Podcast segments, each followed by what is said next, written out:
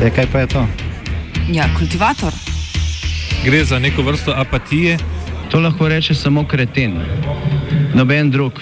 Socialni invalid in ga je ne mogoče urejati. Drugi kandidat. Pa, pa pije, kadi, masturbira, vse kako ti lahko reče. Nihče tega ne ve. Vsak petek skultiviramo dogodek tedna. Lahko po kriterijih radio študent, težko pa po evropskih kriterijih. Ampak na drug način, kot vi tu mislite. Kultivator vedno užge. Da pač nekdo sploh omenja probleme, ki so, in da pravzaprav sploh nekdo sproži dogajanje uh, v družbi. To drži, drži.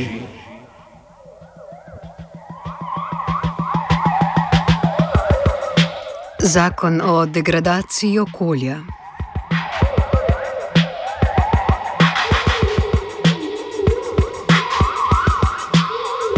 Zvečer, ravno v času večernih poročil, bo v državnem zboru glasovanje o noveli zakona o varstvu okolja. Ta je bila v obravnavi, natančneje drugem branju, včeraj v poznih večernih urah in se je že s časovno uvrstitvijo izognila širši medijski pozornosti. Zato pa je novela dvignila nemalo prahu v civilni sferi. Nam pa je imela nekaj pripomb tudi varuhinja človekovih pravic. Zjutraj je pred državnim zborom potekal tudi protest, ki sta ga organizirala društvo Eko Krok in društvo Eko Anhovo in Dolina Soče. Nekatere najbolj sporne točke so členi, ki omogočajo izdajo okoljevarstvenega dovoljenja upravljavcu, ki ne dosega standardov najboljših razpoložljivih tehnik, če zanj to predstavlja znatne stroške. Uvedba neomejenih okoljevarstvenih dovoljenj in nedefiniranost določenih pravnih izrazov, kar je lahko podlaga za zlorabe. Vse to je prepoznal tudi državni svet, ki je ob seznanitvi noveli odrekel podporo.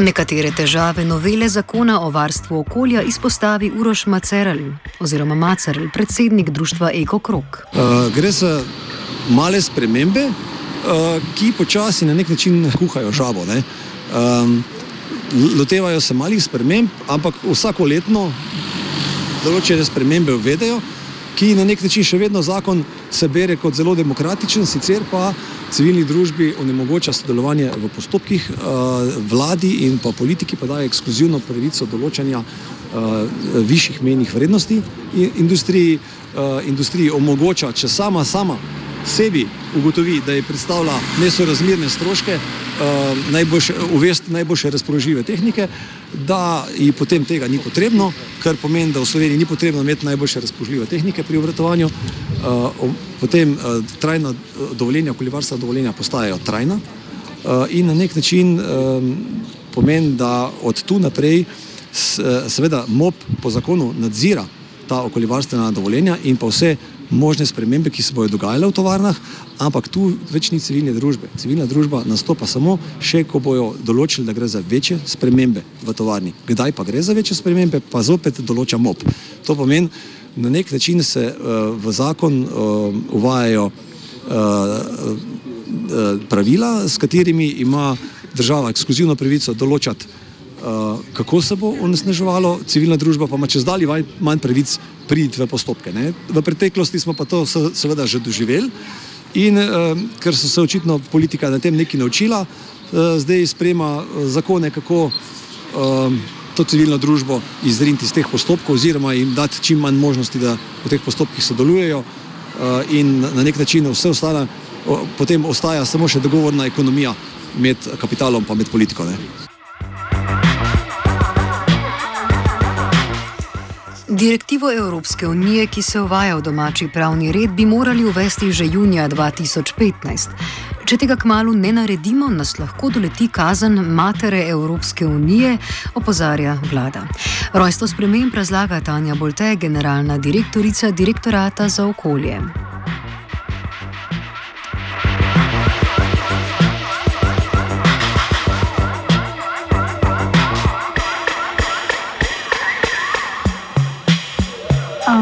Tako bi rada povedala, najprej, da v zakonu spremenjamo sledeče zadeve, tega spremembe zakona. No? Uh, najprej uh, bi radi prenesli SVS direktivo za popoln prenos SVS direktive, ker država, mislim, ker Republika Slovenija oziroma Ministrstvo za okolje in prostor um, z prenosom te direktive zamuja, ker bi mogli prenos upravljen v juniju 2015.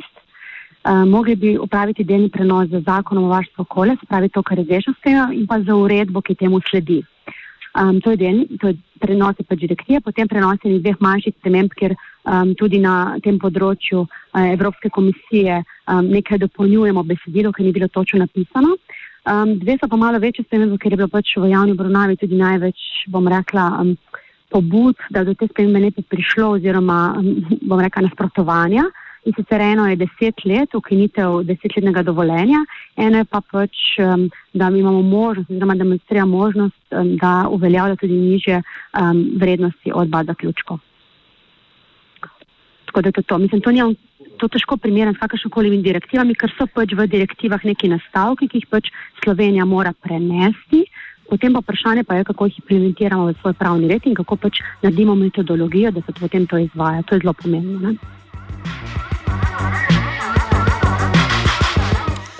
Malce drugačen pogled na uvajanje zakona poda poslanec Združene levice Franz Trček. Ta zakon eh, nekako zlorablja uh, uvedbo uh, neke direktive in določene popravke predhodne direktive ter ureditev določenih zadev okrog ekosklada, zato da nekako na zadnja vrata uvede, bom rekel, vrzel ali možnost uh, olajševanja okoliščin, da se nam bojo ponavljale zgodbe, ki jih ne morem imenovati drugače kot zgodbe umazanih tehnologij, umazane industrije, umazane proizvodnje, lafarži po domače, tež zgodba in, in, in, in podobno. Na sami seji matičnega odbora smo to nekako poko, po, poskušali pokazati, dokazati. Priznam, da je v tem bila osamljena združena levica v parlamentu z delno izjemo skupine nepovezanih poslancev ter uh, predstavniki civilno-družbenih civilno pobud, ki pa so jih določeni poslanci imenovali kot ah, kaj ta neka uh, društva. Ne? Skratka, gre za zniževanje nek, nekih okoljskih standardov. Ne. Seveda vladna ekipa, pa podobno kot tudi neke vlade, predtem to opravičujejo na način, ja, veste, mudi se direktiva, Evropa pravi, moramo. A veste, pri evropskih direktivah so v manjšini uh, direktive tako imenovane absolutne harmonizacije. To so direktive, ker se nekaj uvaja v pravni red držav, ko velja za vse države enako, tako in tako. Večina direktiv nekako ima v sebi, ker smo seveda različni po Evropi, ker se tudi lobira različni interesi držav, nek diapazon ukrepanja. Direktiva, na katero se sklicuje gospa ministrica, seveda ima zapisano, da lahko nekaj, skratka, nadstandarde, podstandarde, če se tako izrazim, nikjer pa ne piše moramo. In seveda, ko sem jaz hotel na to opozoriti, uh, se zgodi kaj. Ne? Zlasti to velja za ministrstvo za okolje in prostor, ne odgovarjajo na vprašanja, nočejo razlagati uh, spremembo zakonodaje in potem, ko jih postaviš nekako pred steno, rečejo, ah, trček je pa osebno žaljiv.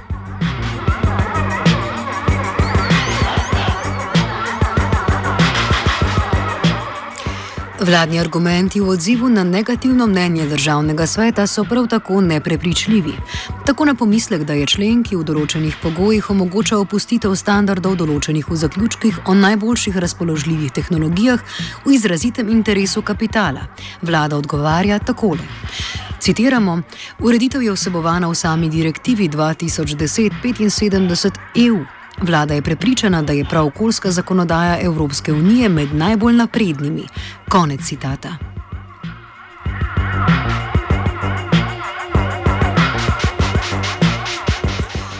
Izvedeli smo, da je Tanja Bolte, direktorica direktorata za okolje, sestra Petra Kajč, ki je v Lafaržu oziroma ki v Lafaržu vodi službo za ekologijo. Povprašali smo jo, če obstaja zaradi tega kakšen konflikt interesov. Jaz mislim, da ne, oziroma strogo nasprotujem temu, da bi bilo karkoli konflikt interesov. Prvič, delam na Ministrstvu za okolje in prostor, drugič, nisem neposredno povezana z dovoljenjem in izdajo dovoljenja, ki ga zda Agencija za okolje. V tem primeru Lafaržu, ker verjetno je pač na to, um, na to se pač oporeka. Um, definitivno nisem v tem postopku zraven in nikoli nisem sodelovala in tudi, če bi imela to, mislim, če bi pač po, po dožnosti službeni morala, bi se izločila iz tega.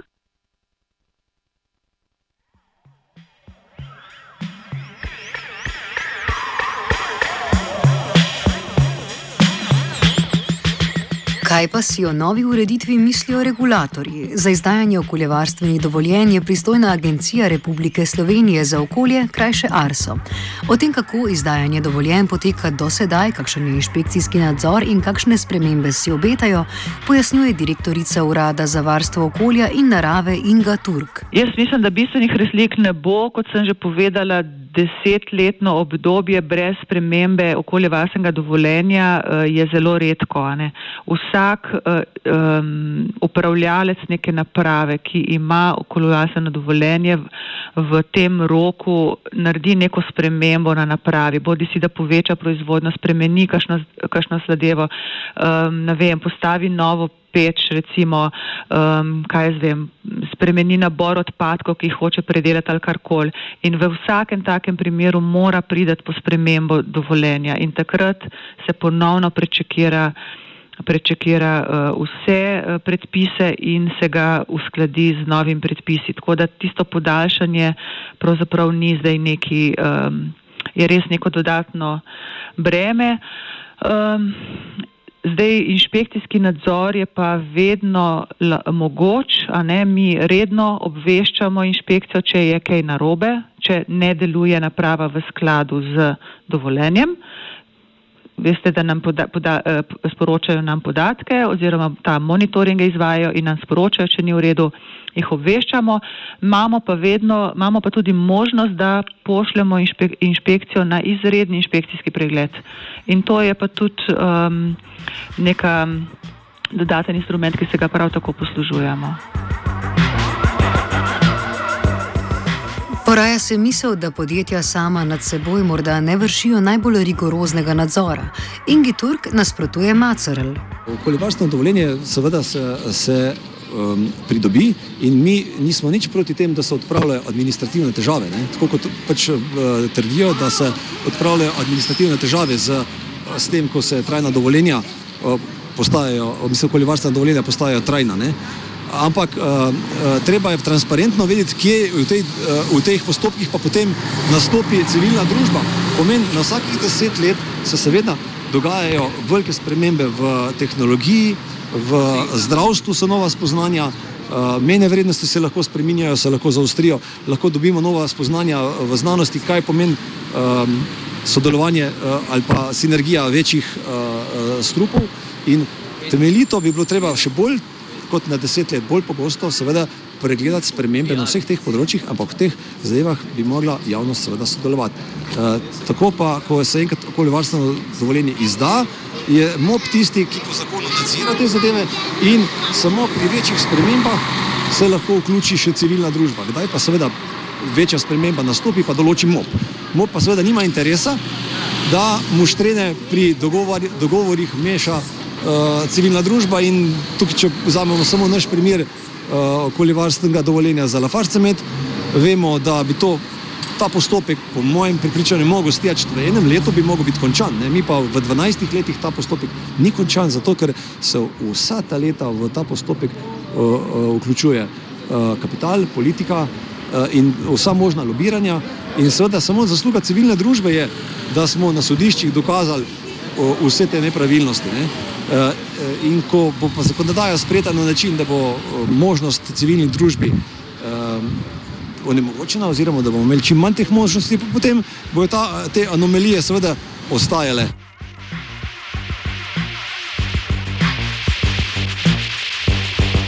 Na očitke pomirjujoče odgovarja Tanja Bolte. To, to ni res, mislim, težko, ker se oglašam iz Bruslja, nimam pred sabo zakon o varstvu okolja. Več ali manjša sprememba je, je podana v dovoljenju, mislim, v, se pravi, čujem, v zakon o varstvu okolja kot definicija in agencija za okolje, ki je pač v tem postopku upravni organ, ki izdaja dovoljenje, agencija za okolje, ne ministrstvo za okolje in prostor, se odloči oziroma presodi, ali gre za večjo ali manjšo spremembo. Leta, še vedno bodo inšpektori, še vedno trdimo, da bodo inšpekcijski, da bodo te naprave nadzorovane kot prva prioriteta. Še vedno bo vsako leto inšpektor ogledal vsake leto do tri leta, mislim, da ima, nek določen akcijski načrt, kjer so opredeljene te aktivnosti inšpektorata za okolje in naravo, opredeljene aktivnosti. In še vedno trdimo, da so to kot prioriteta, prva prioriteta, um, bomo rekli, pregled okoljevarstvenih dovoljenj in naprav uh, večjega obsega tako da do tega nastopamo in pač to mora biti nadzorovano. In trdimo, da če bo nadzor takšen, kot je bil do sedaj, oziroma še boljši, in če bo Agencija za okolje delala v skladu za zakonodajo, da se nima Slovenija kje bati, da bi pač bila tukaj omazana industrija ali pa da bi kapital prevladal na ne vem čim. No. Mislim, kar pač želimo um, definitivno našim prebivalcem Slovenije omogočiti, da bodo živeli v čistem, in, v čistem okolju. No. Vprašanje transparentnosti nove ureditve je bila ena izmed spornih točk tudi v razpravi v parlamentu. Očitke, ki so jih zastavili predvsem poslanci Združene levice v koaliciji, zavračajo. Pojasnjuje poslanka stranke Modernega centra Vesna Vervega. Vloga javnosti se v ničemer ne spreminja. Torej, noben člen zakona se eh, tisti, ki pač opredeljuje ta načela eh, in eh, vključevanje javnosti, se ne spreminja. Tako da se vloga javnosti eh, je določena tako kot do sedaj.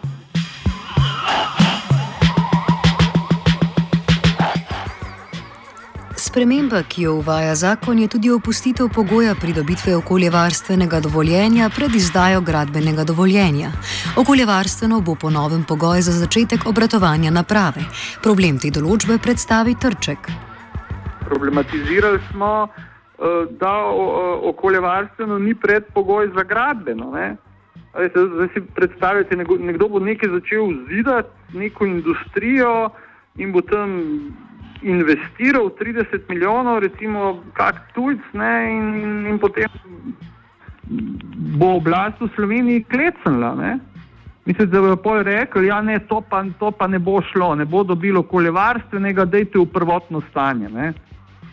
To, ne vem, Cerarja povabili nekam, pa ga bojo prvili, da ne rečem, zakaj za ga bojo uh, prijeli. In pa boste imeli spine čez medije, gledajte tiste ekologi, gledajte tiste grda združene levice gor in dol.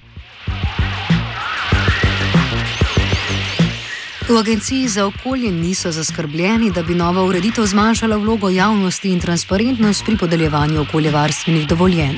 Ponovno Turk.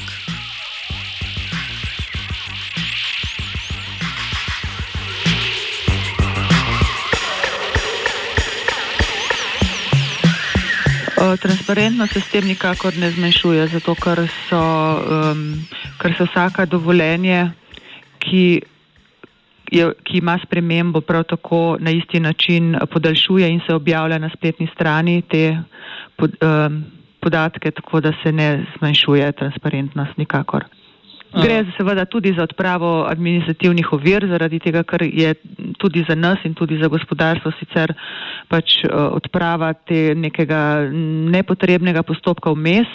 Um, predvsem bi pa rada podarila to, da se okoljevarstveno dovoljenje spreminjajo zelo pogosto, ni deset let stacionarno in eno, kot je zdaj. In ob vsaki spremembi je možnost sodelovanja civilne družbe v eh, postopku spremembe in hkrati ga mi tudi vedno. Eh, ga nadgradimo tako, da je vedno prilagojeno zakonodaji, ki se tudi zelo redno spreminja.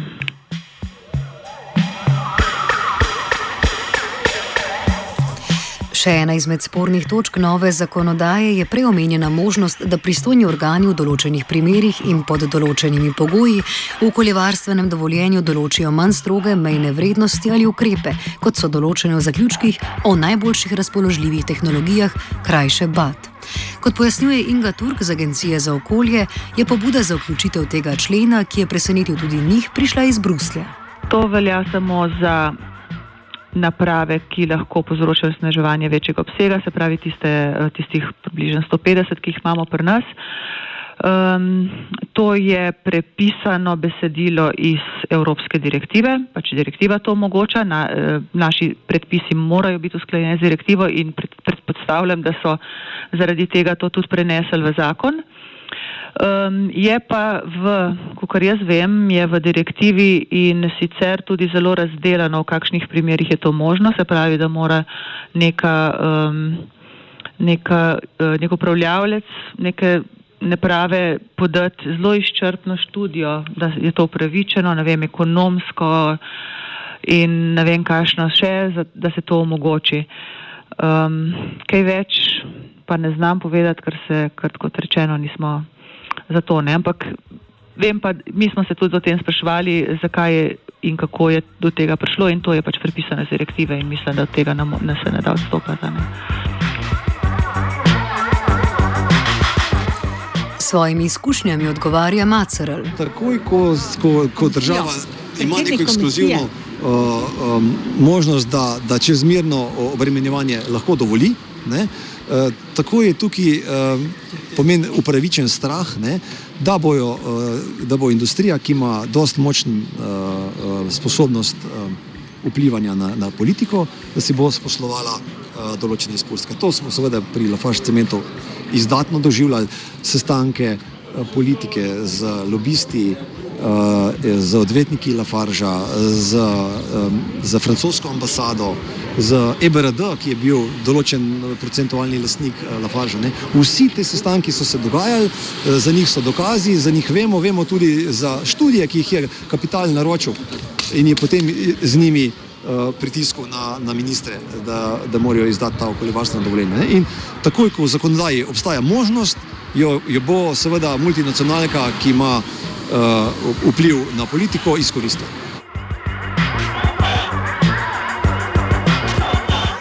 Zakon bo najverjetneje sprejet. Ekološko zavest v slovenskem parlamentu opiše Trček. Jaz se bojim, da bo ta zakon sprejet, veste, ker očitno ekologija v ekologija ni topika tega parlamenta. Ni topika tega parlamenta, ker, veste, koalicija jaha letos na neki zgodbi uh, odpravljanja administrativnih ovir. Eh, SDS pošilja, lahko rečem, drugo, tretjo uh, moštvo parlamentarcev na te seje. NSI je pa tle seveda pobudnik neke uh, kapitalske liberalizacije. Ne. SD in Desus pa molčita. Ne. Skratka, veste, nekako uh, eko, eko skupino trenutno v parlamentu, oziroma gledajte, pa ne nek zdaj, da bom rekel, radikalni ekologizem, ampak uh, poslanci in poslanke, ki se prizadevamo za to, da bi ohranili in izboljšali uh, okolje in, in prostor sobivanja, trenutno tvori v tem državnem zboru uh, poslanska skupina Združena levica in upam si trditi, verjetno tudi skupina nepovezanih poslancev in potem se to konča. Poslanec Lah iz SDS je na eni sej pred kratkim recimo rekel, da vam zgolj ilustriram. Ja, Kmeti se pritožujejo, ker ne moramo tekmovati z ameriškimi kmeti, ker ne morejo živali futrati uh, s hormoni rasti. To je njihov diapazon.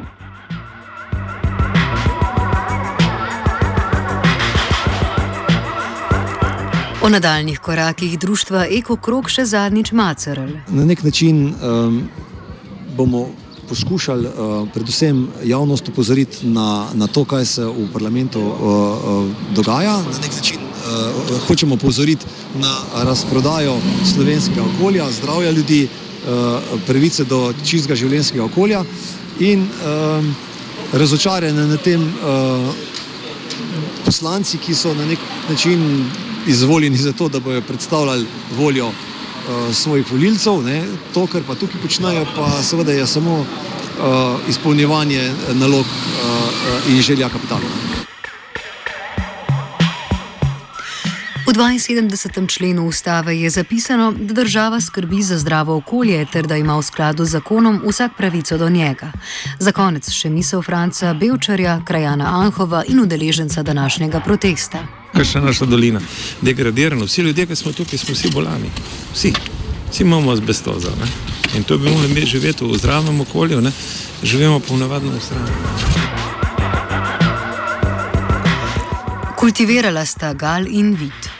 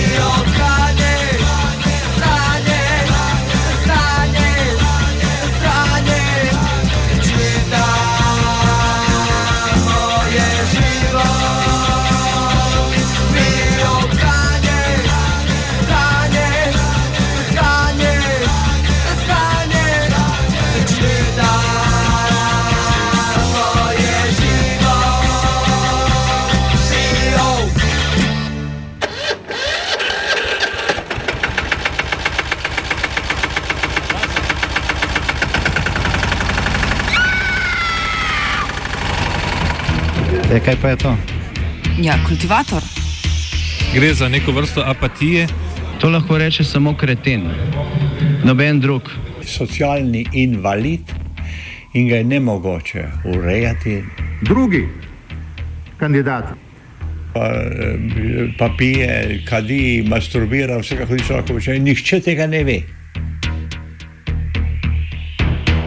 Vsak petek skultiviramo dogodek tedna. Lahko po kriterijih radio študent, težko pa po evropskih kriterijih. Ampak na drug način, kot vi to mislite. Kultivator vedno užge. Da pač nekdo sploh omenja probleme, ki so, in da pravzaprav sploh nekdo sproži dogajanje uh, v družbi. To drži. Drži. Uh, živijo. Uh, torej, ljudje se ločimo na tiste, ki poslušamo radio študent in na tiste nesrečne, že, ki nimajo tega uh, privilegija. Lep pozdrav, Borod Pahor.